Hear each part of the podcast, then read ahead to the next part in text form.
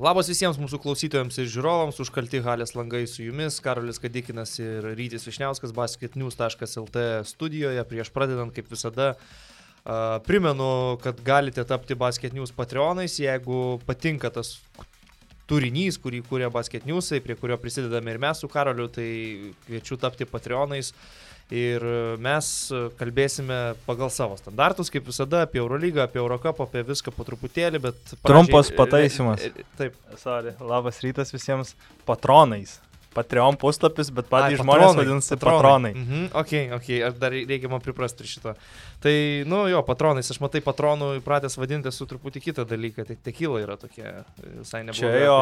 Tai, tai va, bet prieš e, apšylant kojas, e, prieš žengiant į Eurocapą, į Eurolygą, aptarimus tų visų rungtynių, kaip visada gal įsivažiavimui reikia kažką tokio uh, Numest kaulą. Iš kitos pusės paimti ir dabar neseniai tokia naujiena buvo paskelbta, kad Serbijos rinktinė, Serbijos federacija pasamdė Denverio Nuggets vyriausiai trenerį Maiką Malauną kaip konsultantą Serbijos rinktiniai prieš olimpinės žaidynės. Kaip tu galvoji, ar tai buvo Serbijos rinktinės iniciatyva pasisamdyti būtent šį strategą, ar, ar, ar labiau Denverio Nuggets organizacija ieškojo būdų, kaip vasarą daugiau pakontroliuoti savo didžiausią žvaigždę Nikolą Jokičių. Žinant, kas praėjusiais metais vyko. nu, Šiaip Maikas Malonas pats paneigė tuos gandus, kad jisai Aha. prisidės prie Serbijos, tai gali būti, kad, kad taip ir neįvyks, aš nežinau, gal kas ten Antį tiesiog paleido. Kad... Nu, labai plačiai nuskambėjo, aš netgi tiesą pasakius stebėjau e, transliaciją kažkurių futbolo rungtynių, ten ESPN rodė ir bėgančioje eilutėje net ESPN pats skelbė tokią informaciją. Tai... Na čia vat, naujiena Nuggets, Mike Malone denies any agreement to join mm, Serbia. Na bet įsivaizduokime, kad tai jo, jo. bus ar, ar, ar yra, ne, nežinau, gal tai tiesiog žodinis koks nors sustarimas.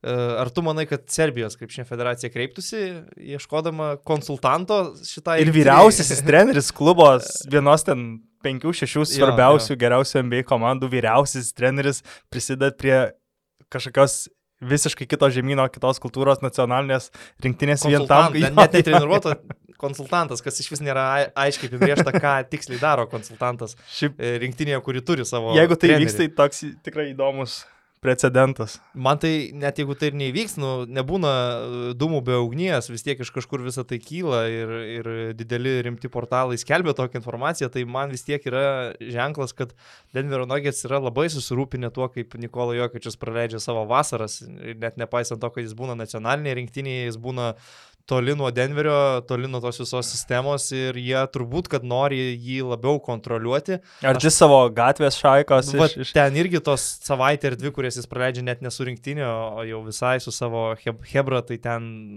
visiškai, manau, būna atsipalaiduojama. E, bet e, aš įsivaizduoju, nelabai e, gali užkirsti Denverio Nuggets kelią Nikolo Jokičiui apskritai nacionalinė rinktinė. Uh, ir šiuo atveju gal ieško kažkokio kompromiso, kad bent jau valdyti labiau jo treniruočio procesą, kaip jis treniruojasi, kaip jis ruošiasi e, tam, kad išvengti to, ką turėjo šį sezoną pradžioje. Dabar jis jau įsibėgėjo, bet pirmus kokius 2-3 mėnesius tikrai daug buvo kalbų apie jo blogą formą, apie jo netinkamą pasiruošimą NBA reguliariam sezonui.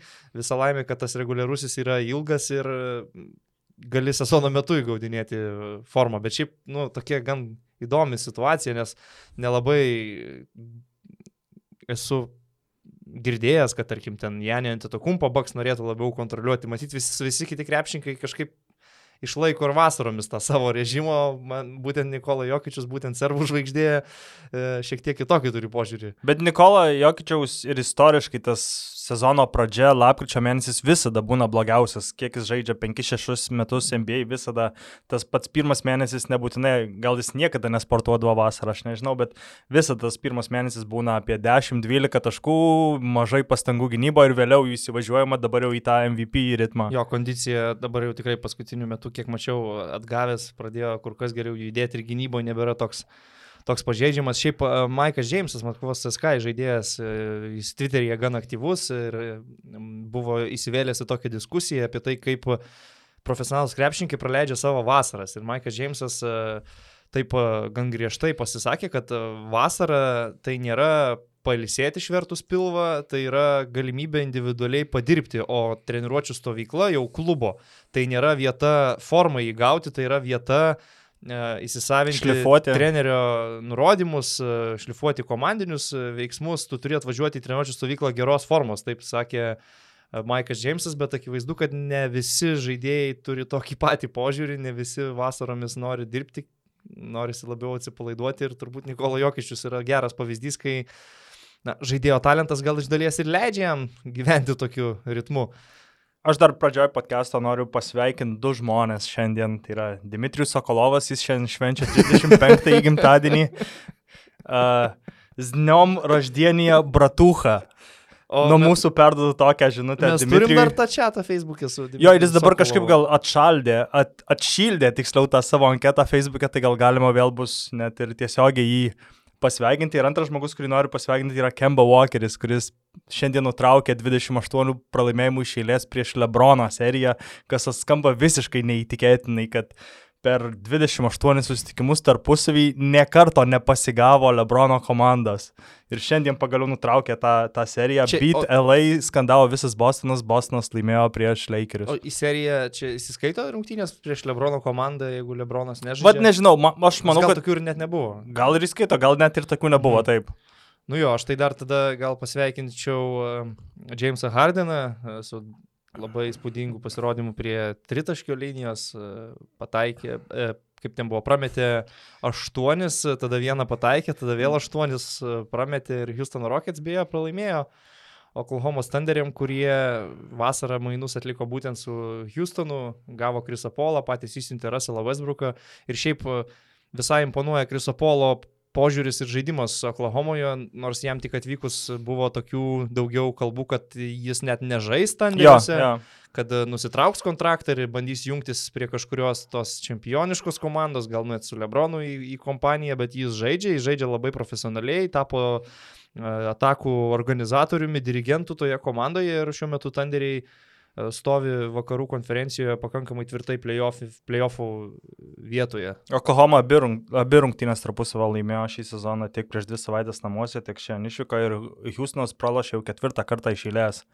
Mm, dar gal taip prieš keliaujant į Europą noriu pasidžiaugti San Antonijaus Spars e, atsigavusių žaidimų. Iš tikrųjų, aš pavyzdžiui po sezono labai blogos pradžios net negalvojau, kad e, gali kovoti dėl atkrintamųjų varžybų Sparsai šį sezoną ir kad baigsis jau Grego Popovičiaus e, tą įspūdingą seriją visą karjerą sužaisti atkrintamosiose varžybose kiekvieną sezoną, net ir iškrentant pirmame etape vis tiek tai skaitosi kaip patekimas į atkrintamasias.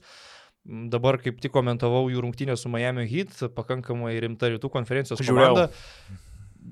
Geras visai krepšinis, protingas žaidimas, labiau gal net Eurolyga priminė tokias rungtynės e, ir su tokiu žaidimu Sparsai, aš galvoju, tikrai gali nusitaikyti tą aštuntą vietą, kaip juda Petty Milsas, Demaras Darauzanas geros formos atrodo, Lamarkusas Aldridžas taip pat jie dabar dar žaidė ir be Rudy Gėjaus, kai kurie jauni krepšininkai ten e, įsibėgėja, Gregas Popovičius suradęs visai vaidmenis e, dviem žaidėjim be metimo Derikui White ir Dežonte Mari ir toks komandinis žaidimas visai palieka įspūdį ir aš galvoju, kad Sparsai gal net ir nesulaužęs tos tradicijos ir bent jau aštuntą vietą nugrieps, žinant tai, kad šiuo metu aštunti yra Memphis Grizzlies, na, tikrai ne kažkokia super komanda ir logiška turbūt tikėtis, kad Grizzlies kažkada kris į duobę ir nebūtinai atlaikys tokį didelį tempą. Jo, iš apačios dar ateina Portlandas ir, ir galimai Pelikanai, o San Antonijus jau nutraukė vieną seriją praėjusią savaitę, tai yra pralaimėjo Atlantos Hawks namuose, ko nebuvo padarę nuo 97 metų ir visas Atlantos startinis penketas dar nebuvo gimęs paskutinį kartą, kai Hawksai laimėjo išvykoje prieš San Antonijų. Mane tai šokiruoja, kad kažkas a, suranda šitus faktus Tai ten Dombazė gal nėra taip apkapsto, jau ne- sunku. Ne, nepatingi,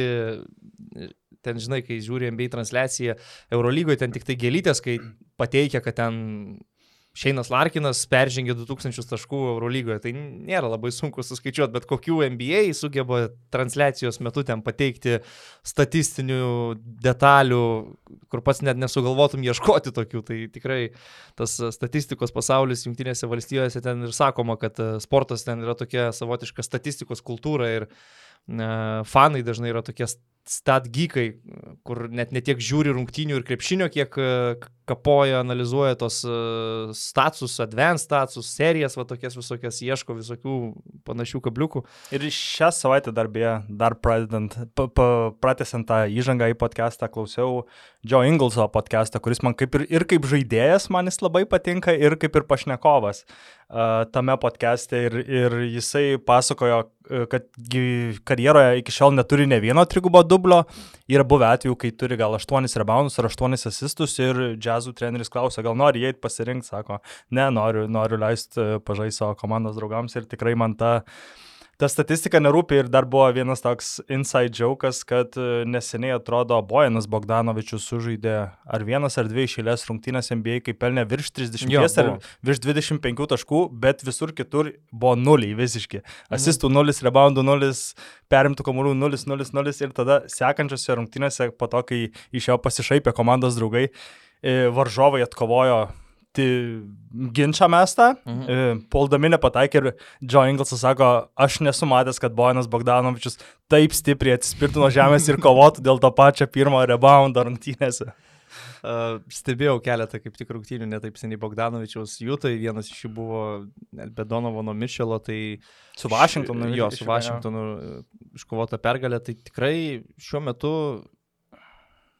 vienas Podončičiaus vienas talentingiausių, gal net ir antras talentingiausias e, europietis žaidėjas. Na, Janė Antetokumpo aš vertinu šiek tiek kitą kategoriją. Mhm. Kalbu apie tokį gryną talentą polime, daryti taškus e, skirtingais būdais, nugarai krepšį 2 prieš 2, 1 prieš 1 ir, nu, Boinas Bogdanovičius e, su kiekvienu sezonu vis geriau ir geriau atrodo NBA, jau Indianos Pacers susiformavo į tikrą NBA starto penketo žaidėją. Jo, kelis metus išėlės dengia Lebroną svarbiausiose playoffų serijose. Ir, ir dabar jų to yra po Mičelo gal antra polimo opcija, kai Mičelas nežaidžia, jis visiškai pasiema tą, tos komandos polimą į, į savo rankas. Tai, Uh, tai va dar vienas pavyzdys, e, žinai, kalba daug apie Dončičių, kaip ateina iš Eurolygos, e, kad čia vienas toks tik tai žaidėjas, bet galim žiūrėti ir į Bojaną Bogdanovičių, ir į Bogdaną Bogdanovičių, Nemanė Bielicą, tų labai talentingų žaidėjų iš Eurolygos per paskutinius trejus, ketverius metus atėjo nemažai, aš manau, kad iš jų galima sudaryti net ir neblogą komandą, gal tik tai uh, kai kuriuose pozicijose pritrūktų, bet šiaip mm,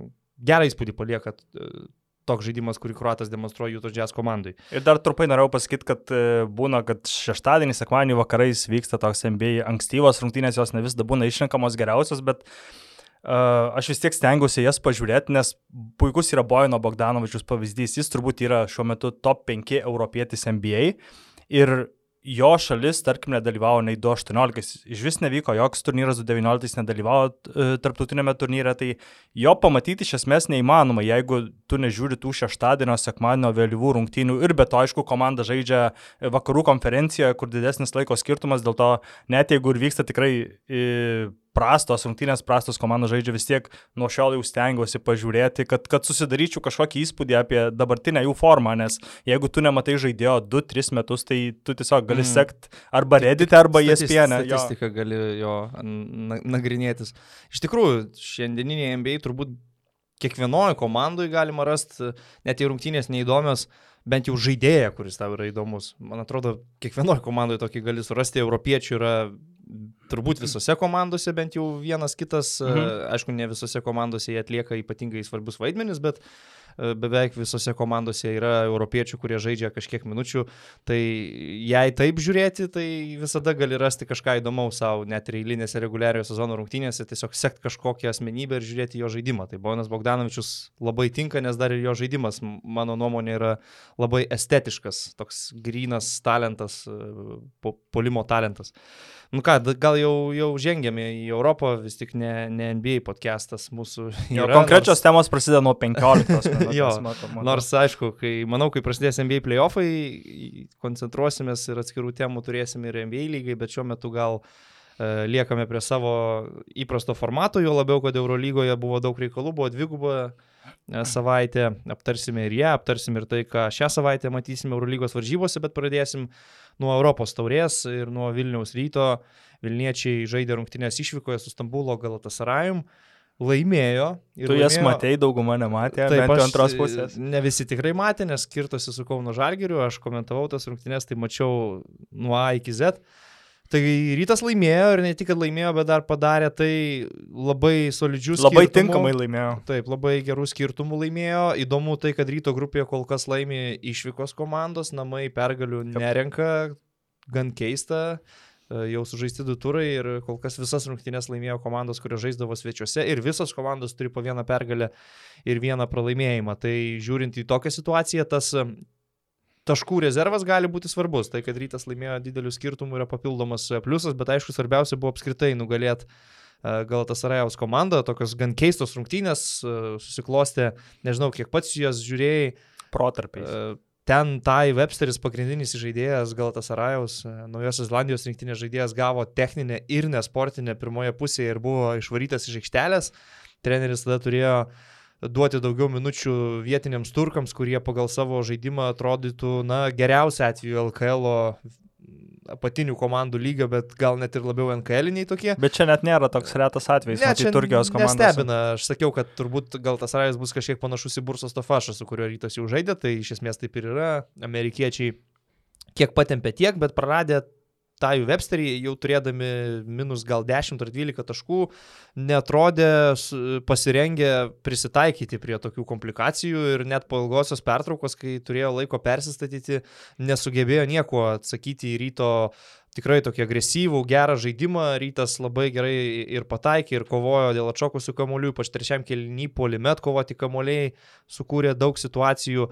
Ten galima atskirai kalbėti, kokias kvailas pražangas rinko Galtasarajus amerikiečiai. Nu, tikrai sunkiai suprantama kartais, kai prasižengiama prieš Arną Butkevičių kylanti mesti tritaškio, kai žaidėjas stovi visiškai net kelis kartus jo. buvo tas pats atvejis. Jo buvo pora pražangų tritaškio metimo metu, bet čia jau aišku, gal tas Arajos problemos. Rytas tikrai sužaidė labai tvarkingas, solidžias rungtynes, neblogai žaidė ir su Kazanės Uniksu, bet ten pritrūko iki pergalės, čia pergalė ir po tokio laimėjimo visiškai normalūs lieka šansai toliau tęs kovą dėl to paštuonių.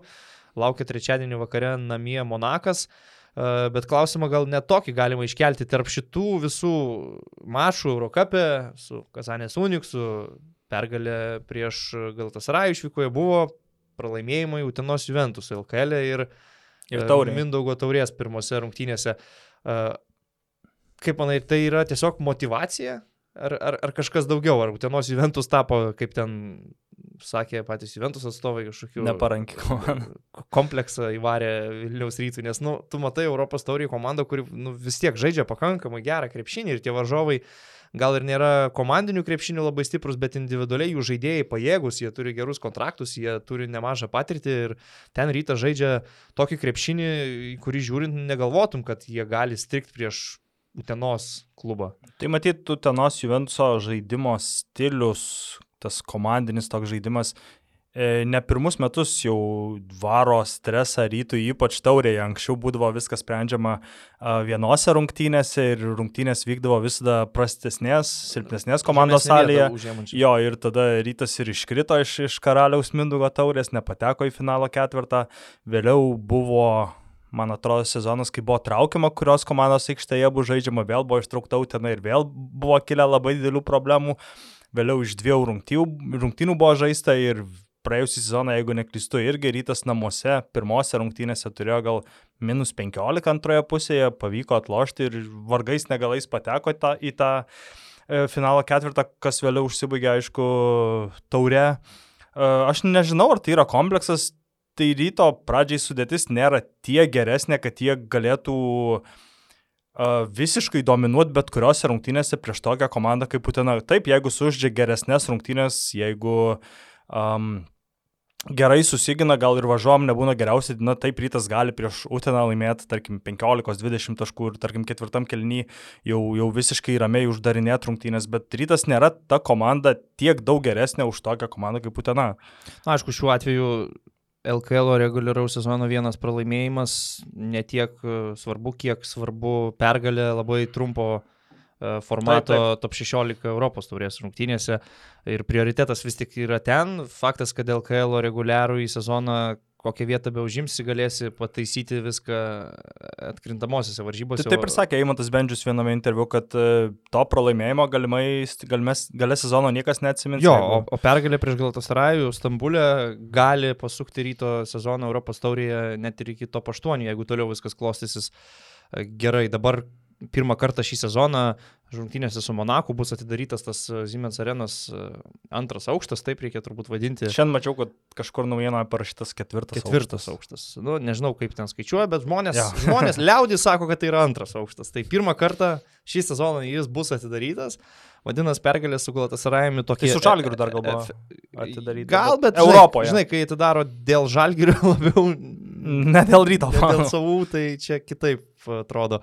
Bet Europos taurėje jo pirmą kartą šį sezoną bus atidarytas tas antras aukštas ir tai parodo, kad pergalė prieš Galtasarajų turėjo savo efektą, kad žmonė, žmonėms sugražino kažkokį tai tikėjimą, gal jau užtrynė ir tą peticiją dėl Dainiaus Adomaičio, kas ten ją buvo sukūręs. Ir ką, Monakas turbūt irgi panašaus lygio įveikiama komanda, žaidžiama namie, bet kol kas tendencijos šitoje grupėje tokios, kad namų komandos e, pralaimi.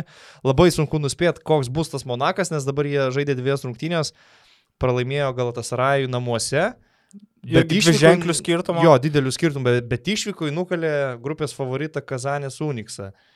Na, Monakas, aišku, ten žiūrint į pavardės, visų pirma turi pakankamai garsų trenerį, tai yra Sašo Obradovičius, juos treniruoja ir aš rungtynių jų nelabai mačiau, bet kiek seku rezultatus, tai taškų praleidžia nedaug. Ir turbūt, kad su Monaku e, krepšinis bus šiek tiek kitoks nei su Galatasarajum, nes su Galatasarajum buvo tokios gan atviros polimo rungtynės, kas rytų iš esmės atrodo visai paranku, žinant tai, kad rytas turi nemažai metikų, turi žaidėjų, kurie mėgsta paimprovizuoti, Pako Krūzą, Mindago Girdžiūną, ir tokiuose atviresnėse rungtynėse rytas savo sprendimų randa. Klausimas, jeigu bus labiau gynybinis, toks fiziškas krepšinis, ar ten E, Vilniečiai sugebės prisitaikyti.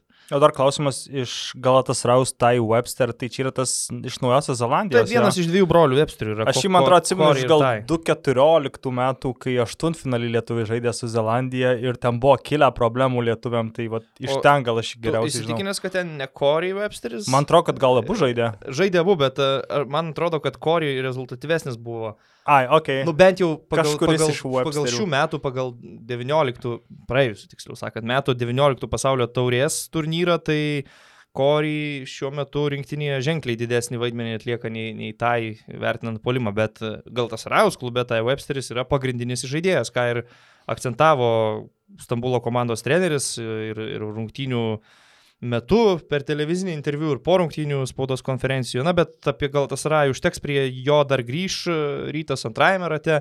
Apie Monaką šiek tiek, tai kaip ir minėjau, Sašo Bradovičius, treneris, kuris dar netaip seniai Europos taurės finale žaidė treniruodamas lokomotyvą ir buvo favoritai Loko prieš Darušafaką, turėjo namų aikštelės pranašumo, bet pralaimėjo Davido Blato komandai tada. Aš dar prisimenu gal kaip žaidėją, kai žaidė už Jugoslavijos tą legendinę kartą ir turbūt yra tapęs ir pasaulio čempionu su Bodroga, Rebrača ir visais. Turėjo likusiais. būti jis tikrai toje komandoje.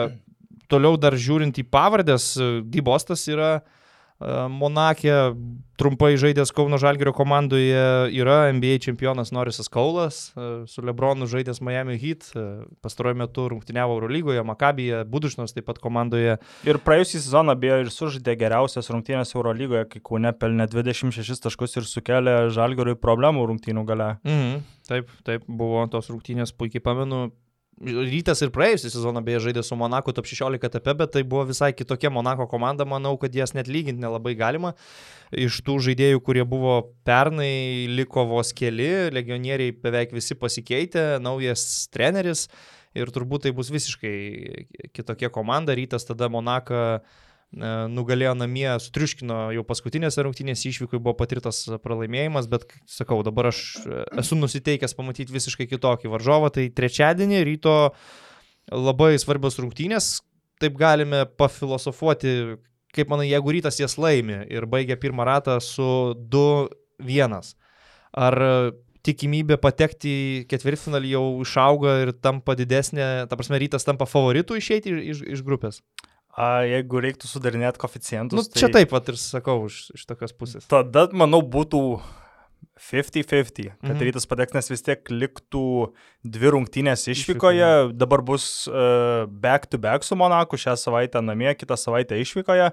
Uh, sakyčiau, būtų 50 prie Mhm. 50, jeigu rytas laimėtų. Nežinai, priklausomai nuo to, kaip stumdos kiti rezultatai, dar ne, negali dabar atmesti tokio scenarijos, kad pavyzdžiui rytui užtektų dviejų pergalių namie prieš Monaką ir, ir Galatasarajų ir su trim pergalėm įmanoma išeiti iš grupės, nes nu, grupiai šio, šiuo metu po dviejų turų jokio iškumo visiškai nėra, kaip ir minėjau, visos komandos laimėjo po vieną kartą ir Jo, po vieną pralaimėjo. Ir rytas yra vienintelė komanda toje grupėje turinti teigiamą įmestų praleistų taškų santyki. Ir dar įdomus dalykas dėl tvarkaraščio. Dabar rytas žais su Monaku namie išvykoje, tuomet, uh, tuomet žais uh, išvykoje su Kazanė ir bus keturių savaičių pertrauka. Čia toks labai įdomus ir keistas sprendimas. Uh, viena savaitė bus atidėta, tarkim, tauriai, vėliau bus tas rinktinių langas. Tai Nežinau, ar tai bus gerai ar blogai, bet tiesiog taip yra ir, ir tiesiog labai keistai atrodo, kai sužaidži penkias rungtynės, lieka vienos ir turi laukti visą mėnesį, kad jie sužaistų. Man tai nelabai patinka iš tikrųjų ir, ir net pirmame etape Europos taurėje kažkas tokio buvo, kad e,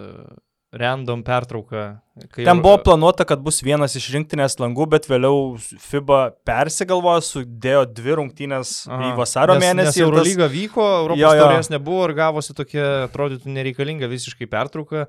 Ir dabar, nu, apie mėno, beveik mėno iš tikrųjų bus. Lygiai tarp- keturios Tarp savaitės. penktų jo. ir šeštų rungtynių aš tai nieko gero tame nematau. Aš manau, kad kai komanda yra ritme ir žaidžia tokį uh, staigios mirties, galima sakyti, turnyrą, uh, nesinori to ritmo pamesti ir tavo žaidėjai, ryto žaidėjai konkrečiai, jų nemažai išvažiuos į nacionalinę rinktinę, tikrai sužaisti tų dviejų Eurobasketo atrankos rungtynių. E, Klausimas, kaip jiem ten susiklostys rinktinėje, bet jie pabus ten, tada vėl grįš į klubą, at- ateis visai kitokios galbūt formos ir bus kitam ritmeniai yra dabar.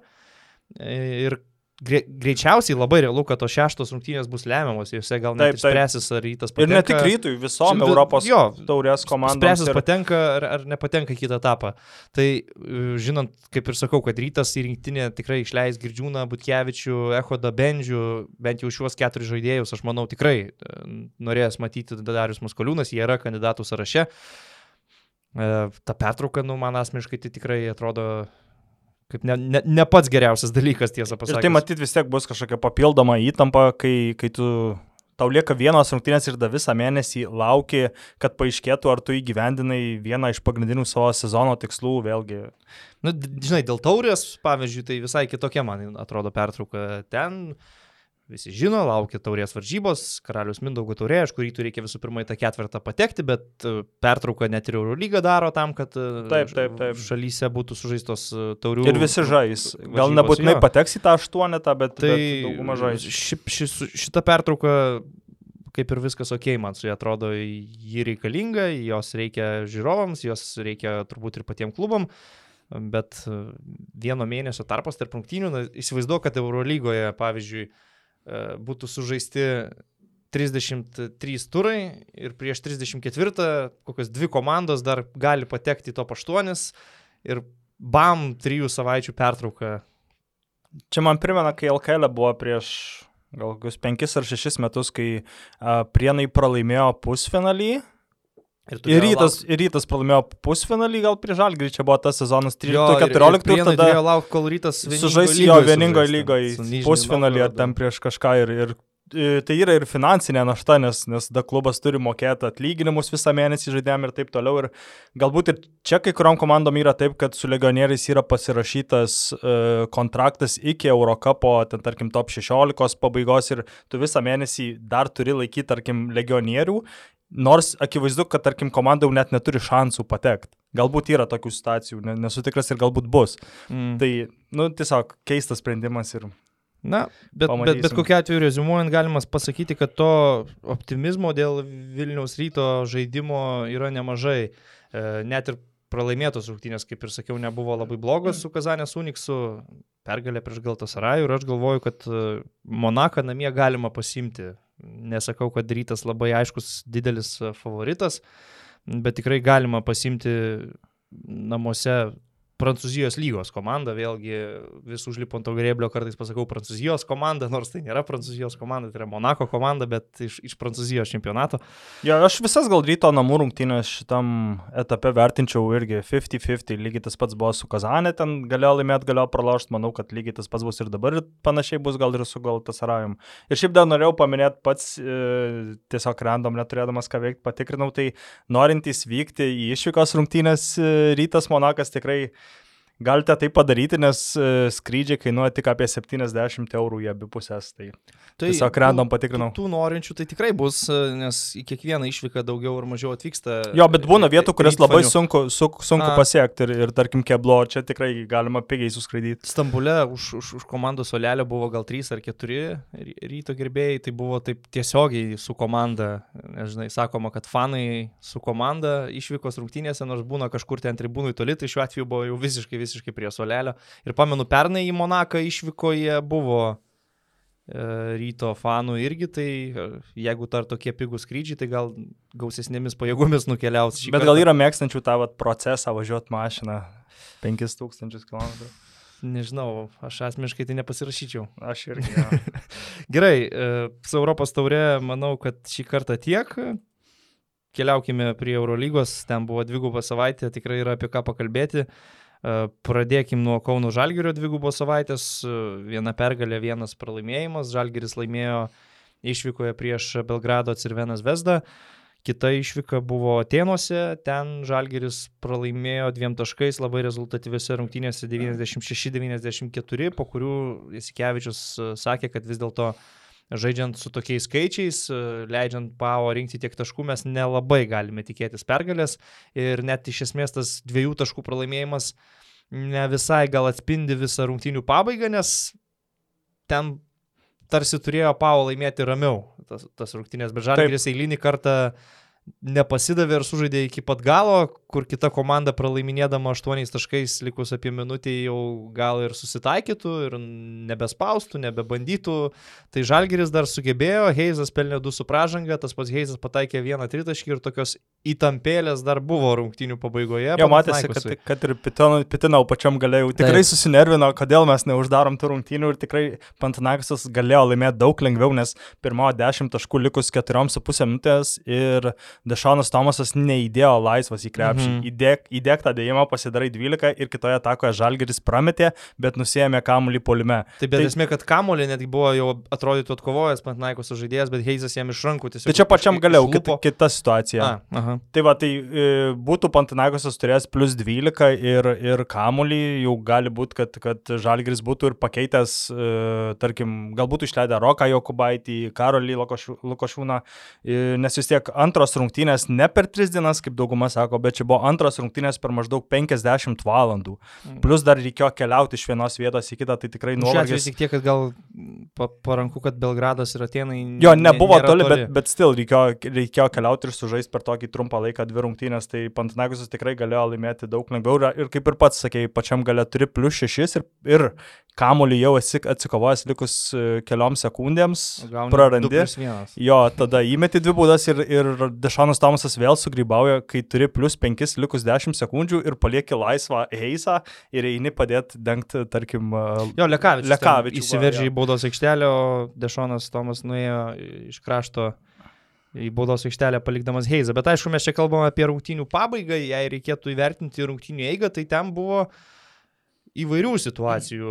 Kauno Žalgeris pradėjo tikrai žymiai geriau. Žalgeris e, jau pat, nuo pat pradžių ištraukė iš baudos aikštelės e, papajanį ir privertė Rikapitino labai greitai pakeisti savo 2,20 m e, vidurio polėje ir žalgeriečiai gan anksti susikrovė dviženklį pranašumą ir mano nuomonė galėjo viskas net ir toliau išlikti žalgerio rankose, žalgeris galėjo toliau kontroliuoti rungtynės, jei netarysas Raisas. Nes iš tikrųjų, kai Panatinaikos e, susidūrė su dideliais sunkumais, atsilikinėjo dešimties taškų skirtumų ir atrodė, kad stringa ir gynyboje, ir polime. Tairysas Raisas tarsi perėmė komandą iš Niko Kalačio ir visiškai patempė komandą. Tarp jo visų epizodų išprovokuotų pražangų ir prasiveržimų labiausiai išsiskyrė, žinoma, uh, tritaškis po driblingo prieš Tomą, Tomą Volkopą, kur visiškai išlaužė čiurną su savo driblingu Tarysas Raisas. Man tai tokie epizodai yra net gražesni už kažkokį galingą dėjimą iš viršaus per vidurio polėją. Na, iš tikrųjų, netaip dažnai pamatysi Eurolygoje tokį vienas prieš vieną žaidimo pavyzdį. Ten Tarysas Raisas visiškai gatvės krepšinio stiliumi išmaudė Volkapą. Jis ras pataikė. Ir, ir pat, pataikė. Na, aišku, jeigu nepataikai tokio metimo, tai sugadintas epizodas, bet, nu, turbūt pats supratęs, ką padarė, žinojo, kad negaliu dabar nepataikyti. Ir Wesley Johnsonas, Pantanagoso žaidėjas, e, panašiai buvo, kaip čia pavadinti, padarytas mhm. Hardeno prieš porą sezonų, kai žaidė Clipperius ir, prieš, po, ir po rungtynių buvo paklaustas, ar, ar tau tai neprimena tai, kaip su tavim buvo pasielgta NBA ir sakė, jo, žiauriai panašu. Šiaip tikrai panašu į Jamesą Hardeną, tas e, manevras, kurį atliko Tarysas Raisas, bet esmė tame, kad Raisas būtent patempė Panatinaikosą uh, sunkiu metu antram kėlinį ir tai leido Panatinaikos uždaryti kėlinį su tik trijų taškų deficitu. Žalgeris pirmavo 49-46 ir, ir manau, kad Šarūnas Isikevičius, kiek būtų patenkintas komandos veikiančių polimų, negalėjo būti patenkintas e, rezultatu, praleistais taškais ir plus 3 tai, tai nėra žaidimo kontrolė, tai yra tik tai labai trapi persvara po dviejų kėlinių žaidžiant o akarenoje tai iš esmės nieko nereiškia. Ir dėja, po ilgosios pertraukos Žalgiris taip ir nesustabdė Panatinaikos polimo. Pavo dar rezultatyvesni buvo antroje mačo dalyje, per kurią pelnė 50 taškų, ten įsijungė Dešonas Tomas pataikys, tikrai svarbių metimų ketvirtam kelnyj, tas pats Tarysas Raisas. Ir toliau žaidė gerai, jis sužaidė antras rezultatyviausias savo rungtynę šį sezoną Eurolygoje. Nikas Kalatis irgi prabilo, surinko savo dvigubą dublį, nors įdomu pastebėti, kad Žalgiris visiškai kitaip šį kartą gynėsi prieš, prieš Niką Kalatį, nežinau ar pastebėjai, bet Žalgirio arenui 5 tritaškius gavo nuo jo, taip akivaizdžiai rizikuodami ir leisdami jam mesti šį kartą tokių rizikų nebuvo, kartai Žalgiris net ir keisdavosi pilnai, prieš Kalatį likdavo arba Lendilas, arba uh, lydė ir labai dažnai bandydavo jį paspausti ir priversti nusimesti kamolį. Nuo pat pradžių spausdavo Ulanovas, tada ateina į pagalbą aukšta ūgis, priverčia Kalatį nusimesti kamolį, tai Panatinaikos praranda šiek tiek laiko, ilgiau išsistato pozicinėse atakose, bet galiausiai tokio lygio krepšininkas vis tiek surad, suranda savo žaidimą ir, ir daro dvigubą dublį. Nors prieš šimtinės Jaskevičius paklaustas sakė, kad tikrai nieko nekeis ir, ir, ir galbūt, nežinau, pasakė, pasakė, pas, ką pasakė. Nesgi nesakysi, ką, ką tiksliai tu keisi. True, būtent jau. Česikevičius nekarta yra atkreipęs dėmesį, kad jeigu kažką, kad ir Lietuvo žiniasklaidoje uh, pasakysi tokio truputį labiau detalės įlyzdamas užsienio žiniasklaidai, graikų, ispanų gali greitai pasigauti ir, ir, ir, ir panaudoti visą tai. Aš dar norėjau pasakyti, kad Tyrisas Raisas Eurolygoje man yra visiškas Lou Williamsas NBA. Žaidėjas, kuris laisvai galėtų žaisti starto penketę daugumoje komandų, net ir dabartinėje, prisėmė tą atsarginio rolę šį sezoną nie karto iš 20 rungtynių nėjo į starto penketą įeina nuo suolelio e, ir gali daryti taškus lygiai taip pat kaip Lou Williamsas jau daro 5, 6 ar daugiau sezonų NBA. Ir pats Raisas e, vėl tapęs rungtinių VP, kaip ir po graikų derbio, kuriame gerino savo karjeros rekordus, labai kukliai kalba, kad mano užduotis yra padėti Nikui. Uh, Tai yra jo komanda, jis yra mūsų kapitonas, mūsų pagrindinis žaidėjas. Mano užduotis yra jam padėti, nesvarbu, žaisiu 15 minučių ar, ar 25 minutės, mes jų krepšį 3 kartus ar 8 kartus. Taip e, labai realistiškai vertina savo vaidmenį komandoje. Aišku, kai žaidėjas yra veteranas, jau daug ką pasiekęs ir įrodęs, jam turbūt paprasčiau pasimti tokį mažesnį vaidmenį, dar prisiminus ir tai, kad Tarysas Raisas iš vis buvo nurašytas žaidėjas atsidūręs Barcelonos rezervų jo, jo. komandoje, e, ten sukonfliktavęs e, dėl kontrakto, ilgiau nei metus iš esmės nežaidęs normalaus krepšinio, dar praėjusią sezoną sužaidęs gerokai žemesnėme lygyje Bambergo brozė komandoje, FIBA čempionų lygoje, tai uh, matyti jį tokį Eurolygoje bent jau man yra džiugu. Reikia dar pasakyti, kad jis žaidžia geriausią karjeros sezoną, kalbant apie tritaškių pataikymą. Visą laiką Eurolygoje ar Europos taurėje jis būdavo tas žaidėjas, prieš kurį kartais galima ir surizikuoti, svarbiausia neleisti jam prasiveršti, bet galima leisti jam mesti iš toli, aš pamenu ir kai žaidė jis Vilniuje, lygiai taip pat tritaškius mesdavo gan nestabiliai apie 30 procentų taiklumu, bet dabar šį sezoną Eurolygoje jo taiklumas siekia turbūt apie 40 procentų ir Žalgerį jis baudė pagrindę tolimais metimais. Šį sezoną pataikymas taip yra 42 procentai ir aš tik dar kartą priminsiu faktą, kad Tairysas Raisas yra vienintelis žaidėjas gavęs MVP Eurolygoje, Eurocapė ir Čempionų lygoje ir turbūt ilgą laiką liks tokia Gerai, bet Žalgeris sužaidė dar ir kitas rungtynės, kur kas sėkmingesnės. E, Belgrade buvo nugalėta Cirvenas Vesda, kuri prieš mačą su Žalgiriu turbūt galima sakyti buvo ant bangos, buvo aštuntoje vietoje Eurolygoje, pasipildžiusi Vladimirų Štimat su Kevinu Panteriu, rinko pergalės ir Žalgiris tikrai nebuvo laikomas favoritų rungtynėse Štark arenoje, bet laimėjo. uh, Aš pasižiūrėjau rungtynės jau grįžęs po Vilniaus ryto komentavimo, žinodamas jų, pab, jų baigti, tai taip truputį prasukinėdamas žiūrėjau. Momentai, kurie man įstrigo asmeniškai, tai Milaknio tritaškiai pataikyti, kai jų reikia, kad komanda užsivestų ir, ir, ir kai startuoja taikliais metimais visada yra lengviau. Ir tai, kaip Žalgiris labai staigiai nukirto varžovų persvarą po ilgosios pertraukos trečio kėlinio pradžioje, nes Zvezda buvo šiek tiek atitrukusi labai greitai. Jo po Billy Barono tritašką buvo plus 7. Atrodo. Ir Žalgeris labai greitai sutvarkė šią situaciją, persverė vėl rezultatą ir aišku, kad yra paprasčiau žaisti tokias rungtynės sunkioje atmosferoje, kai tu žaidi, kad ir su nedidelė, bet vis tiek persvara. Ir Žalgeris ketvirtam kelinį visada turėjo pranašumą, kartais trys ar keturi tik taškeliai, kartais šiek tiek daugiau, bet svarbiausia, kad rungtynių pabaigoje išliko ramybė, niekas nesupanikavo, Lekavičius sumetė reikalingas baudas, priimti buvo geri sprendimai, varžovai kažkur nepataikė, nepasiemė savo šansų, Žalgiris, pavyzdžiui, rizikavo ir leido Gistų išmesti tritaškį, prie rezultato berots gal šešių taškų skirtumas apie minutį likus ir jeigu jis jį pataikytų, turėtum visai kitokią pabaigą, bet ta rizika pasiteisino.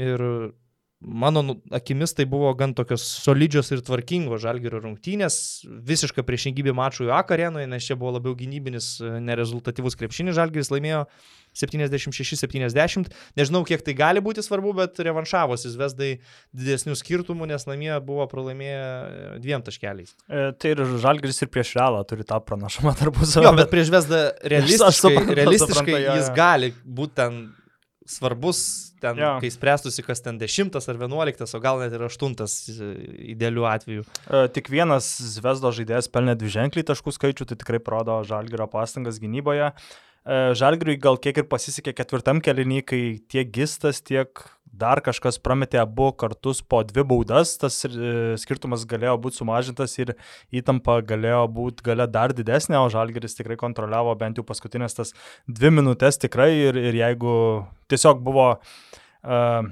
toks atvejis, kad jeigu Žalgiris nebent labai akivaizdžiai suklys, gaus kažkokią nesportinę ar kažką, tik tada ta tikra intriga atgims, o mm. Žalgiris tikrai kontroliavo rungtynių galą ir pelnytai laimėjo. Aš manau, kad visų pirma Žalgiris labai gerai suvaldė pavojingiausius Vesdas žaidėjus polime. Kevinas Panteris tik atvykęs į šitą komandą pradėjo rodyti, ką jis sugeba iš tikrųjų ir jo buvęs komandos draugas Vilas Čeri, kurį taip pat Olimpijakos atleido uh, po Kevino Panterio pergalingo metimo prieš Asvelį savo Instagram'e rašė kažkaip, kad va tokį žaidėją Olimpijakos atleido, neįvertino, o, o jis yra vienas ten talentingiausių polimo žaidėjų Eurolygoje, aišku, gal ir kiek perspausta, bet Zvezdoje matosi, kad krepšininkas gali rinkti taškus ir Žalgiris su juo visiškai susitvarkė. E, Panteris pataikė tik du metimus iš aštuonių, pelnė vos penkis taškus. Net ir Lorenzo Braunas, kuris sužaidė rezultatyves rungtynes, nebuvo toks geras. E, jo taiklumas 6 taiklus metimai iš 17 ir prie 14 taškų tik 9 naudingumo balai. E, baudos aikštelėje irgi pavyko sėkmingai pasistumdyti su Vladimiru Štimacu, kuris pastaruoju metu buvo sunkiai sustabdomas su Jamesu Gistu. Zvezda vis tik turi tikrai labai aukštą, e, stiprią priekinę liniją, aukšta komanda ir Žalgeris su tuo susitvarkė. Ten, manau, buvo pasiekta gera pergalė, o AK arenoje gaila, bet uh, pralaimėta labai talentingai komandai, kurią norint nugalėti, aš manau, kad Žalgeris vis tik turėtų įvelti Panatinaikosą į klampesnį gynybinį krepšinį. Atenų Panatinaikos tikrai nėra geriausia Eurolygos komanda, nėra gal net finalo ketvirto komanda, bet yra rezultatyviausia komanda, kuri renka didžiausią uh, taškų vidurkį. Judom dabar gal prie kitų Jo, rungtynių. jo, be abejo.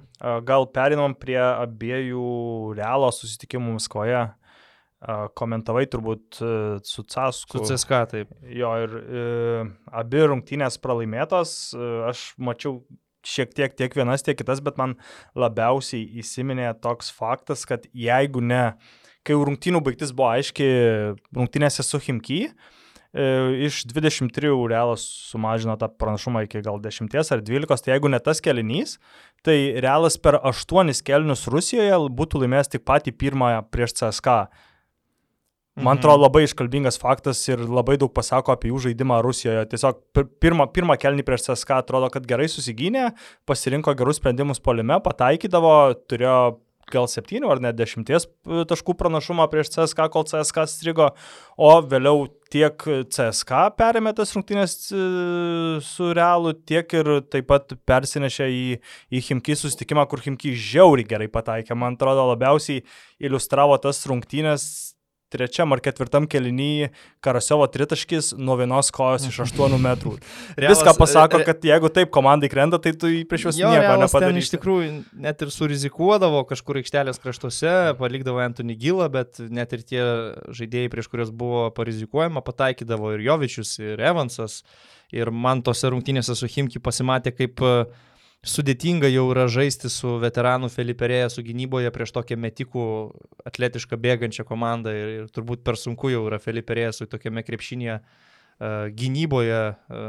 Pasis, paslėpti savo trūkumus, jis yra gan lėtas, nemobilus ir nespėdavo paskui tą patį gilą. Dar noriu paminėti genijų laso, kai prie minus 5 tyčia prametė baudą ir atsikavojo kamuolį. Reikia taip sumastyti. Čia CSK rungtynėse. Jo, Jo, čia jo. geras, man patiko, man tikrai labai patiko šitas sprendimas, nes, nu, labai reta Nėra ką komanda daryt, jo. Sugalvotų ir, na, taip pagalvoju, tiesiog eini va bank. Taip, pavyks, okei, okay, nepavyks, pasimsim tą pralaimėjimą.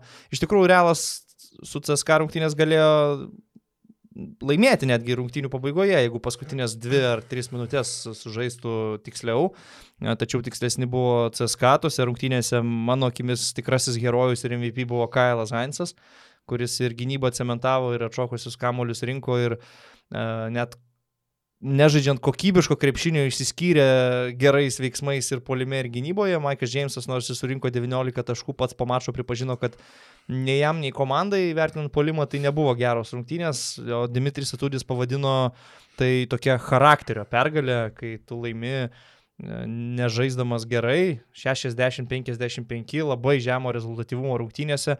Šiaip ir netikėta, kad tokios geros komandos, vienas geriausių, talentingiausių Eurolygos komandų sužaidžia 60-55. Aš tikėčiausi, kad Asvelis užvesda e, tokius skaičius uh, surinks. Je, tai, jeigu reiktų rinktis, e, pasakytų rezultatą 60-55 CSK realas ir sakytų, kaip manai čia po visų rungtynių ar po dviejų Po kelinių. dviejų. jo, jo. po dviejų turėtų būti. Uh, Panašus rezultatas e, iš esmės po dviejų buvo Mytyščiuose, kur žaidė Himki su, su Realu, nes ten po dviejų kelnių Himki pirmavo 55-44, tai tuos 55 taškus, kuriuos Realas surinko per 4 kelnius prieš Saska, Himki prieš Realą surinko per 2. Klausimas toks lengvai diskusijai, tau pačiam įspūdį labiau daro pergalė prieš elitinę Eurolygos komandą Realą praleidžiant 55 taškus, ar pergalė prieš tą patį realą, surinkant 102, pataikant 15 tritaškių iš 27 su Aleksėju Švedo 13 rezultatyvių perdavimų. Apie švedą dar gal truputį vėliau, turbūt e, praleisti 55 taškus yra daug sunkiau prieš realą negu įmesti 102. Taip. Tiesiog uh, titulus laimi gynyba. Uh, jeigu tau ir nekrenta tose rungtynėse vienose ar kitose, pastangos gynyboje vis tiek turi būti ir uh, tiesiog gynyba rodo, man atrodo, charakterį ir, ir užsispyrimą kovoti, o, o puolimas labiau yra talentui parodyti, kur, kur e, tiesiog turi būti ir talentingesnis tam, tam reikalo gynyba. Gynyba gintis gali bet kas. Tiesiog reikia pastangų ir, ir e, visa kita jau rodo rezultatai. Nu, Rodo, rodo turbūt ir trenerio paruoštą planą, ir trenerio sugebėjimą žaidėjus e, motivuoti ir parinkti užduotis gynyboje jiems. E, Man irgi tikrai didesnį įspūdį daro tai, kad CSK praleidžia 55 taškus nuo Realo, nes prieš Realą užpulti sugeba ir mažiau talentingos komandos. Realas reguliariajame sezone ne kiekvieną kartą rodo kažkokią įspūdingą gynybą. Manau, kad Himki nesugebėtų laimėti 60-55 prieš Realą, jie pergalę gali pasiekti tik taip, vat, pataikydami 15 tritaškių įspūdingai. E, pataikydami savo metimus. Ir bet, švedas parodė, kad gali žaisti, nes tarkim pirmose praėjusios savaitės rungtynėse prieš Valenciją jis atrodė lygiai tas pats švedas, kaip ir praeitose rungtynėse su Zenitu, toks pasimetęs, be, be nuotaikos, ne visada grįžtantis į gynybą. Tai kažkoks motivacijos klausimas. Aš, aš nežinau, aš net, net ne visada prisimantis tuos gerus sprendimus polime, skars, su skersais perdavimais, prarastais kamuoliais, o su realu jis atrodė gerai pasiruošęs per pirmas, jeigu neklystu, septynias minutės jau buvo surinkęs 8 taškus, 4 reboundus, 5 asistus ir net ir tos jo klaidos, nors ir padarė iš viso 6, jis jas padarydavo ne driblinguodamas kamuolį, nelaikydamas kamuolį, bet ieškodamas komandos draugų ir ieškodamas jiems progų. Mm, jo, tikrai Aleksėjo Švedo geroji versija pasirodė su realu gaila, bet šį sezoną dažniau pasirodo ta pra, prastoji versija. Ir būtent pralaimėjimas su Valencija, kai pamačiau tą rezultatą, iškart galvoju, dar pralaimė, pralaimėjus Madrido realui, na, gali iš tikrųjų Rimui Kurtinaičiui būti e, didelių problemų išlaikant savo e, vyriausiojo trenerio poziciją mytyšiuose, bet manau, kad pergalė prieš realą gal šiek tiek nuramins klubo vadovus. Dar galima pridėti ir kad vieningoje lygoje viskas kol kas gerai, pirmaujama reguliariame sezone, prieš tas ką buvo laimėta, tai tokia pergalė prieš realą turėtų pakelt kažkiek vėl nuotaiką ir klubo vadovams, ir galbūt komandos e, viduje, kad Himki gali sumesti šimtą taškų, kad jie gali tai pulti, manau, kad niekas nebejoja. Pažiūrėjus vien jau sudėti viskas tam paaišku, bet stabilumo komandai trūksta ir pažiūrėsim, ar po šitos pergalės su realu bus kažkoks efektas e, kitose rungtynėse. Tai yra galbūt stabilesnis, protingesnis žaidimas toliau renkant pergalės, nes aš manau, kad Himki metus tokias investicijas turi būti atkrintamosiose varžybose. O tai padaryti bus sunku. Labai sunku. Faktas, kad bus labai sunku. Dar šiek tiek apie CSK su realu. Norėjau paminėti, kad CSK gretose debitavo legionierius iš Kubos Hovardas e, Centrusas. Ir, ir... Šiaip geras panas, rusas. Jo, aš, aš dar aiškinuosi, ar, ar tikrai reikia sakyti rus ar ros, nes pavyzdžiui, arenoje sako um, ros tiesiog Įtūdis sako rus, e, komentatoriai, kuriuos girdėjau, Turkijos e, irgi sako rus, tai dar bandau išsiaiškinti, kaip iš tikrųjų reikia, bet e, esmė, kad jis debutavo, žaidė abiejose rungtynėse ir prieš Realą, ir prieš Baskoniją. Ir man labai patiko, kaip jis atrodė, tiesą pasakius. Gynyboje puikų žaidėją gavo CSK polime, irgi kai įsižais, kai labiau pažins komandos draugus, matosi, kad turi ką pasiūlyti, gali pabūti į žaidėjų, esant reikalų žaisti 2 prieš 2, labai gerai veržėsi, gal neturi tokio stabilaus metimo iš, iš tolimos distancijos, bet uh, ne tik gynyboje bus svarbus, manau, ir polime gali uh, tikrai padėti Maikui Jamesui, Danieliui Haketui su kūryba. Tai gana aiškiai buvo pasakyta, kad pirkinys vietoj Vilo Klaiburno, kuris yra traumuotas ir žaidėjas padengs visų pirma trečią poziciją, bet žinant, kad kontraktą CSK su juo pasirašė iki 2020 trečių berots metų ir net sumokėjo Atienoje ką klubui gan solidžiai išpirka, beveik milijoną eurų. Tai ko gero ne tik pirkinys kaip trumpalaikė pamaina Klaibernui, bet ir žaidėjas, su kuriuo CSK sieja savo ilgesnę ateitį. Ir jis iškart buvo mestas į ugnį, žaidė svarbiausias minutės, kai dar nebuvo aiškas, neaiškus laimėtojas rungtynėse su Real. Baskonios... Bet tas minutės užsidirbo, nes gynėsi gerai ir Dimitris Atudis norėjo tą, tą gynybą matyti ketvirto kėlinio pabaigoje, pamatė ir, ir, ir pasiteisino. Prieš Baskonį, aišku, CSK turėjo visai kitokį mačą, kur privalėjo laimėti labai ramiai. Berot 17 ar 18 taškų pranašumas buvo ketvirtam kėlinį, bet taip komplikavosi, kad pabaigoje Baskonė net ir turėjo netikėtą šansą išlystose rungtynėse.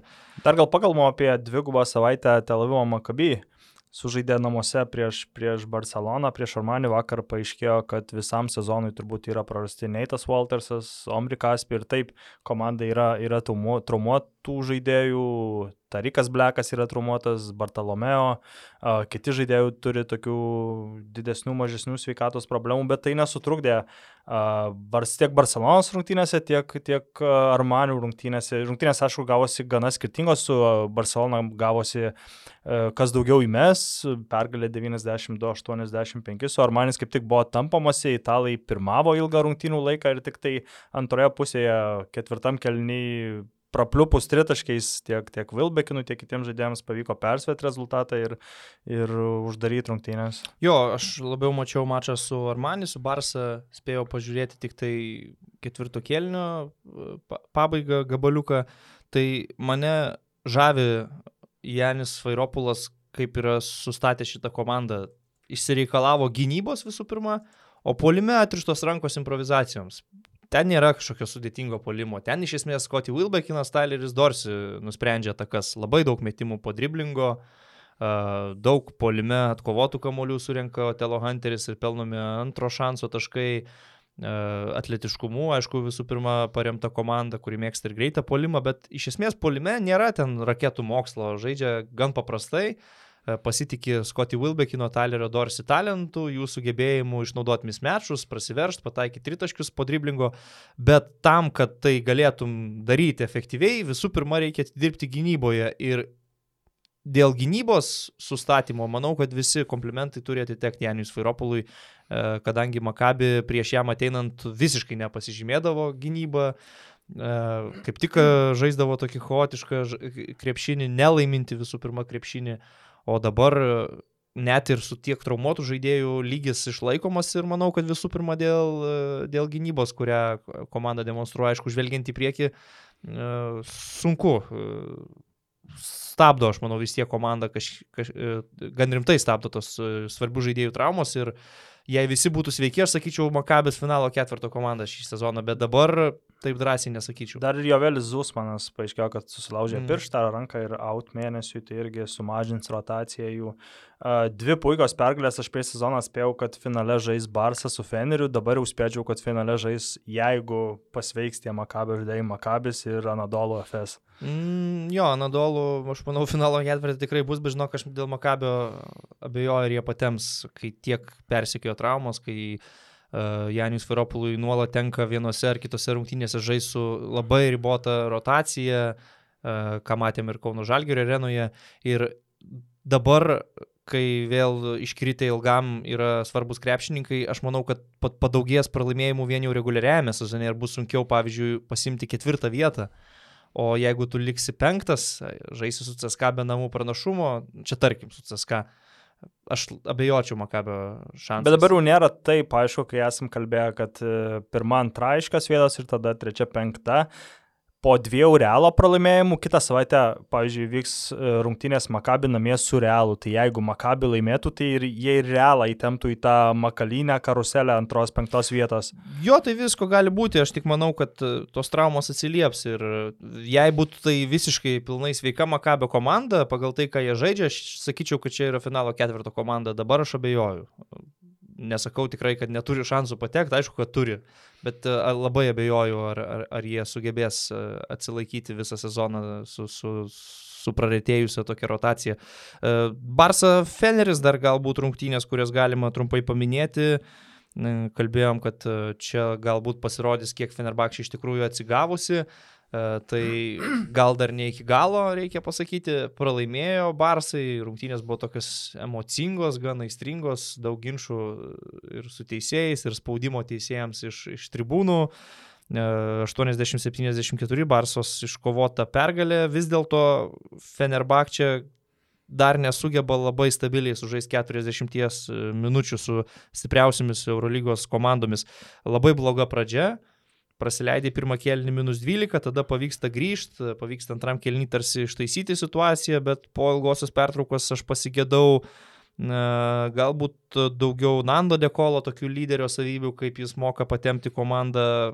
Kostas Lukas tarsi gerai vadovavo, bet kitų žaidėjų indėlio pritrūko ir pritrūko kovos dėl atšokusių kamuolių. Čia aš manau, kad Feneris žiauriai kentėjo, nes Barsa atkovojo 13 kamolių polime, dalis jų buvo labai svarbių metų ketvirtajam kelnyje, kai Fenerbakčiai jau atrodydavo įsibėgėję ir žaidimą pagauna, tai Barsa numuša varžovų ritmą atkovodami kamolį polime ir pataikydami svarbų metimą.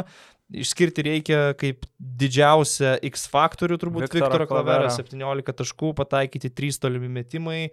E, ir komandoje, kuri turi Mirotičių, Delainį, Higginsą, tu visada žiūri iš šitų žaidėjus ir tikiesi, kad kažkas iš tų kitų neišaus, tai Fenerbakčia būtent labai nubaudė e, Viktoro Klavero 17 taškų. E, tai panašiai buvo Fenerbakčiai, kai žaidė su Baskonija, turbūt Baskonija nesitikėjo, kad Westermanas įmės 6-7 tritaškus lygiai tas pats dabar buvo, turbūt Feneris nesitikėjo, kad Klaveras baigs rungtynę su šešiais metimais iš 7, 17 taškų. Tai čia... Dar Dianas Veselį išsibaudavo, negalėjo žaisti rungtynių pabaigoje. Ir ketvirtam kelnių buvo persverę net rezultatą nuo minus gal 16 ar 18 Feneris persverė, bet, bet tuo viskas ir baigėsi. Veselį beje reikia, manau, kad uh, kuo greičiau atgautų formą, tai vis tiek yra svarbiausias priekinės linijos žaidėjas Želko Bradovičiui ir dar tikrai nėra labai geros formos šiuo metu, ilgai nežaidė dėl traumos. E, bet e, svarbu, kad jau sugrįžo į reikiuotę, Džeimsas e, Nanali pažįsta trenerį, pažįsta komandą, net negalėjo naujokų turbūt pavadinti, jis atvažiavęs sėkmingai įsilėjo ir šitose rungtynėse su Barsa pataikė tolimų, met, tolimų metimų, surinko savo 12 taškų. Kitas naujokas, Malcolmas Tomas, kol kas dar žaidė labai epizodiškai ir sunku kažką pasakyti, kiek jis stipriai padės Feneriui. Tai tiek su dvigubo Eurolygos savaitė, šią savaitę Kauno Žalgiris žais rungtynės, kurias privalo laimėti, žais namie su Berlyno Alba. Tai dabar jau beveik visas Žalgiris privalo laimėti. Na, aš čia kalbu apie tai, kad e, Žalgiris šiaip privalo laimėti prieš Albą, nežiūrint, nežiūrint turnyrinę situaciją. Okay. Aišku, norisi revanšuotis už pralaimėjimą Vokietijoje ir pabandyti gal tai padaryti dar didesnių skirtumų. Ta pati Alba netaip jau blogai atrodo, Jo, aš pasižymėjau, kad Alba šį sezoną laimėjo iš esmės arenose, kuriuose sunkiausia laimėti, ne, ne dėl varžovų komandos, bet dėl sirgalių, kokia galimai ir yra Kauno arena. Jo, jie, jie laimėjo abu kartus Graikijoje, prieš Pantinaikosą, prieš Olimpijakosą. Olimpijakosas dabar jau nėra tas, kas buvo anksčiau, bet still ir laimėjo išvyką prieš Zvezdą. Taip, ten buvo pratesimas ir, ir dar vieną pergalę Alba pasiekė, tai tikrai negalima nuvertinti uh, vokiečių, bet Žalgeris favoritas Žalgeris, na, jei pralaimėtų du kart per sezoną Albai, aš asmeniškai sunkiai suprasčiau. Tai, tai aš manau, kad Žalgeris turi laimėti šitas rungtynės. Daugiau žvelgiant į šią savaitę Eurolygoje, nemažai rungtynių, kur favoritas yra labai akivaizdus, bet yra rungtynės, kurių turbūt labiausiai laukiam, tai realas prieš Efesą. Jo, čia galimai ir spręsis pirmos vietos likimas, jeigu Anadol laimėtų ir uh, stumteltų realą, na, nestumteltų į antrą, antroją vietą, realas ir liktų, bet jiems įrašytų dar vieną papildomą pralaimėjimą, jau lab, kad Anadol ir namie yra laimėję prieš realą, tai likusias 13 rungtynių, nu, gal negalėtų Anadolų visiškai atsipalaiduoti, bet būtų akivaizdu, kad jie yra pirma vieta ir, ir Bet tai kaip jie žaidžia, kažkaip nesukelia bejonių, kad jie yra pirma vieta, nes ten aš nekalbu jau apie rungtynės, kurie susidoroja su Asveliais, Zvezdom ir kitais, ten jokių problemų. Net ir žaisdami tam pusėje jėgos. Jo, ten Larkinas per pirmus du kelnius savo metimų susimeta ir antroji pusė jau būna ramu, bet net ir rungtynėse, kur žaidžia su tais jau savo tiesioginiais konkurentais, dažniausiai jie tokie ramus ir užtikrinti atrodo. Jo, tai prieš Barsą išvyką laimėjo be trenerio. Nu, treneris, aišku, ten kiti gali sakyti, e, apskritai ta komanda žaidžia be trenerio. yra, yra taip sakančių. E, jo, tai va, tai Nadolo FS prieš Madrido Realą, turbūt karščiausias rungtynės šią savaitę, centrinės vakaras, savaitės rungtynės Kauno Žalgeris namie su Berlyno Alba grįžta kauniečiai namo po kelionių, po išvykos, po dvigubos savaitės, kuri dar buvo paženklinta ir pralaimėjimų Lietuvos krepšinio lygoje šiauliams. E, aišku, tai nieko labai svarbaus nereiškia, bet e, kas nemėgsta žalgerio, gali badyti pirštu, kad tai buvo savaitė, per kurią žalgeris tris kartus pralaimėjo. Du kartus pralaimėjo per tris dienas, per maždaug 48 valandas. Atsiprašau, du kartus. Per 48 valandas ir beje šiandien žaidžia taurės ketvirtfinalyje išvyko su šiuliais, tai man atrodo, koks ten bus nusiteikimas už tą žalgiriui padarytą nu, papildomą aš, treniruotę. Aš galvoju, kad šiauliam šansų nėra, žinok, šį kartą. Tai tokia, net ne. Tokia, tokia, aš bijau, kad ten gali būti pirmi du keliniai pasibaigs Žalgiriui pirmam. Ko- Kontroversiška tokia prognozė mano yra, kad Žalgiris laimės prieš Šiaulius. Supratau. Manau, manau, gali būti koks nors iškeltas tikslas, kad Šiauliai neįmestų 50 per rungtynės ar kažkas tokio, kad padidintų motivaciją žaidėjų. Jo, šiaip e, turėjom dar suplanavę in ar out rubrikai keletą teiginių, bet labai užsikalbėjom apie Tai gal Eurolygą. pabandom dar vieną. Ar, ar, ar bandom? Nu, vieną bandom, tu nori ar man šaut? Nu gerai, bandom gal mano.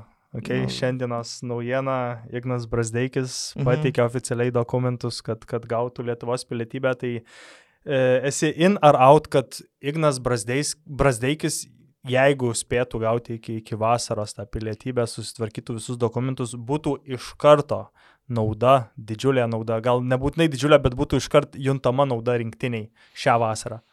Hmm. Pamastymui. Bu, būtų gerai šį per viduriuką tarp in ar out. Kaž, kažką tokio, nes aš kol kas Tai nesu sugalvok naują terminą. in between, jeigu angliškai. Bet, nu, labiau in šiaip.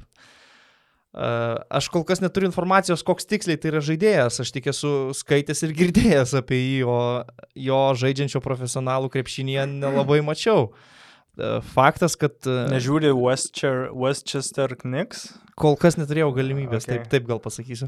E, Na, faktas, kad Lietuvos rinktiniai tikrai nepakenktų veržlus, e, pajėgus, atakuojantis gynėjas, e, kuris prisidėtų prie Marijos Grigonio, padėtų jam kažkiek e, žaidėjas toje pozicijoje tikrai būtų naudingas, kuris gali ir trečių numerių žaisti, jeigu to reikia. E, Aš esu visiškai in dėl to, kad Brasdeikis gautų pilietybę ir patektų į rinktinės kandidatų sąrašą, bet aš taip konservatyviai sakyčiau, kad visų pirma jam reikėtų atvažiuoti į stovyklą ir parodyti, kad jis turi būti dvyliktukė. Aš- Jo jis nebūtinai gautų iš karto aš, vietą. aš tikrai ne, nesakyčiau, kad jeigu jis gauna pilietybę ir gali žaisti rinktinėje, tai automatiškai yra dvyliktuko žaidėjas. Jis ja. dar turi tai įrodyti, bent jau man tai dar kol kas neaišku, ar jisai vertas to. Jo, jis yra pašauktas 47 šaukimu, bet galima prisiminti, kai tarkim Donatas Matijūnas buvo pašauktas lyg ir 20 šaukimu MBA naujokų biržoje, bet vis tiek tą vasarą net nepateko į rinktinę, ne, net ne pats nusėmė, bet tiesiog trenerio sprendimu dėl, e, dėl visų tų aplinkybių nepateko. Aš esu out, kad iš karto būtų juntama didžiulė nauda. Man atrodo, kad tokiam žaidėjui žaidusiam visą iš esmės gyvenimą amerikietiško stiliaus, e, krepšinį aš nesu tikras, ar jis iš vis yra žaidęs pagal FIBOS taisyklės kažkurioje Kanados rinktinėje jaunių jaunučių, galbūt ir yra, bet vis tiek e, jam reiktų prisitaikyti, jam reiktų prisitaikyti prie tos atmosferos, kad žaidžiama komandai, o ne statistikai, jam reiktų pritapti, aišku, prie komandos, e, visi sembuvai žino, į kur atvažiuoja jis, čia būtų toks kaip svetimkūnis, kaip ateivis atvažiavęs į kažkokią naują atmosferą, ir, ir, ir reiktų prie visko pristaikyti, bet aš esu in, kad jis, pavyzdžiui, jau kitais metais galėtų patekti į rinktinę, galėtų gauti naudą, nes jau būtų sužaidęs du metus profesionalų krepšinį. E, Lietuvos rinktinėje galimai vyks kartų kaita, kai bus mm. priimami nauji žaidėjai ir, man atrodo, kiti metai būtų pats tas. Aš aišku nesu out, kad jis šiais metais atvažiuotų ir, ir pasibandytų, uh, viskas būtų gerai ir pasimatytų Tai- tas tikras jo lygis lietuviams. Aš, aš kaip ir pritariu, kad vargiai būtų čia ir dabar labai didelė nauda rinktinėje. Aš manau, kad pavyzdžiui toks Arnas Butkevičius geros formos, jau žinantis rinktinėje, jau sužaidęs rinktinėje vieną stambų turnyrą, greičiausiai atrodytų geriau šiuo metu nei Ignas Brasdeikis, bet į ateitį žiūrint, aš manau, kad jo reikės Lietuvos rinktinėje ir būtų puiku, jeigu susitvarkytų viskas ten su pilietybės klausimu ir, ir galėtų Ignas Brasdeikis, kaip jis pats teigia, kad nori atstovauti Lietuvai. Mm, Dabar jo ta citata buvo, kad jis e, nori žaisti būtent Lietuvos rinktinėje, kad jį labai domina šitą galimybę, jisai labai uh, gerai žino savo šaknis ir, ir netgi moka kažkiek lietuvių kalbą, tai uh, lauksim jo, bet sakau, visų pirma reikėtų pasirodyti, aš turbūt tai irgi manau, kad tokiam olimpiniam turnyre ir olimpinėse žaidynėse stebuklų nebūtų, jei ir patektų į dvyliktuką, vargu ar tai būtų komanda vedantis žaidėjas. Ir man atrodo, dėl to pilietybės klausimo labai jo linkme būtų žaidžiama dėl to, kad e, ne nuo jo priklausė, kad jo tėvai persikraustė į Kanadą, ne, ne jisai pasirinko, kur jis gyvens ir e, kur jis auks. Ir man atrodo, dėl to ir dėl to, kad jisai atsisakė Kanados rinktinės kvietimo, atrodo, praėjusiai, praėjusiais metais ir, ir nenori ten žaisti, nori žaisti už Lietuvą. Tiesiog tikrai tikiu, kad, kad gaus pilietybę ir ateityje, jeigu ne šią vasarą, tai kitą apsivilks rinktinės aprangą. Ok, aš savo gal tada įnarat pataupysiu kitam mūsų podcast'ui. Ar kontroversiškas bent jau? Nelabai. Aš, okay. aš, aš toks uh, žmogus paprastesnis. Uh, mano, mano kontroversiški teiginiai yra, kad Žalgiris prieš Šiaulius laimės. Važiuojam. Tai va. E, tai ką, toks šį kartą mūsų užkaltų halės langų podcastas. Prieš atsisveikindamas e, vėl primenu apie tai, kad galite tapti Basket News patronais. Patreon puslapyje susiradę basketnews.lt kanalą. Ačiū, kad klausote ir žiūrite. Užkalti halės langai sugrįž po savaitės. Iki. Viso.